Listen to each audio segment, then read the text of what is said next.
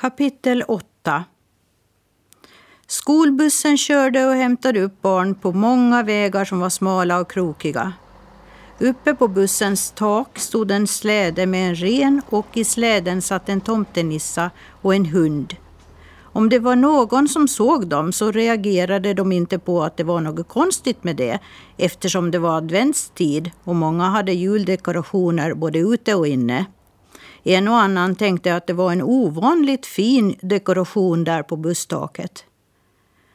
När de kom fram till skolan flög de ner till marken och parkerade släden med renen bakom en sittbänk. Serafina tog fram sin hörlur och började lyssna. Det var väldigt mycket prat hon hörde. Barnen pratade med varandra och lärarna pratade med barnen och med varandra och i städgruppen delade man ut dagens städuppdrag. Hon hörde någon säga att en städare var sjuk och att en annan måste städa vid ingången idag. Hon hörde också att de pratade om något konstigt som inträffat igår då en städvagn plötsligt började rulla av sig själv. Serafina nickade och sa till Skall och Sprutt. Jag anar att det är Smirke som varit i farten här. Jag tror att han färdas i en städvagn någonstans i skolan. Det är dags att hitta honom. Du, Sprutt, får stanna här med släden. Med de orden klättrade hon upp på ryggen på Skall, vände på sin luva och de blev osynliga båda två. Med raska språng sprang Skall fram till trappan, väntade tills dörren öppnades och smet in i skolan. I korridoren stannade de vid varje dörr och Serafina lyssnade. Det dröjde inte länge innan hon kunde höra ett svagt ljud av en bjällra innanför en dörr. Hon knackade på dörren och ropade Smirke, är du där? En lycklig Smirke kände igen Serafinas röst och sprang fram mot dörren. Ja, jag är här. Jag är inlåst och kommer inte ut. Kan du öppna dörren? Skall ställde sig mot handtaget och Serafina klättrade upp och började vrida på låsvredet. Men hon lyckades inte få upp dörren hon heller. Nissarna funderade hur de skulle göra, men innan de kommit på något kom en städare mot dem.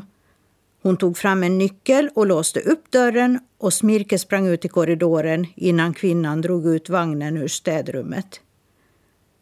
De båda nissarna och Skall kramades och Smirke berättade vad som hänt fram till han blev inlåst i städrummet. Ja, supernissechefen förstod att det hänt något så därför skickade han ut oss på spaning, sa Serafina. Men nu måste vi försöka lösa ditt uppdrag och skaffa en vän till Kjell. Allra först ska jag nog rapportera till chefen, tyckte Smirke och fick medhåll av de andra. När Smirke sänt sin rapport gick de bort till 2Cs klassrum. Där strömmade barnen ut genom dörren eftersom rasten just hade börjat. Flickan som hittat Nissens luva gick fram till Kjell. Han såg lite skrämd ut, men hon la sin hand på hans axel och sa Du Kjell, tror du verkligen att det var en riktig tomteluva, den där jag hittade? Ja, sa han, och det konstigaste var att den luktade på samma sätt som det luktade hemma hos mig den morgonen. Åh, då kanske tomtenissen var hemma hos dig. Så spännande! Var bor du? Får jag komma hem till dig så vi kan söka efter spår? De båda barnen fortsatte prata medan de gick ut. Smirke och Serafina tittade på varandra och brast i skratt. Ja, du har då ett roligt sätt att lösa uppdrag på, Smirke, sa Serafina. Men alla sätt är ju bra. Huvudsaken att det fungerar. Du tappade din luva och barnen blev vänner på köpet. Bra jobbat! Nu får jag skicka en ny rapport till chefen och sen åka vidare till nästa uppdrag. Jag undrar om ni kan få följa med? Ja, vi måste fråga tomtefar om det. Var har du swish-swishen förresten? Smirke visade vägen fram till swish-swishen som de trott var en vanlig bänk och där stod även släden och renen sprutt och väntade.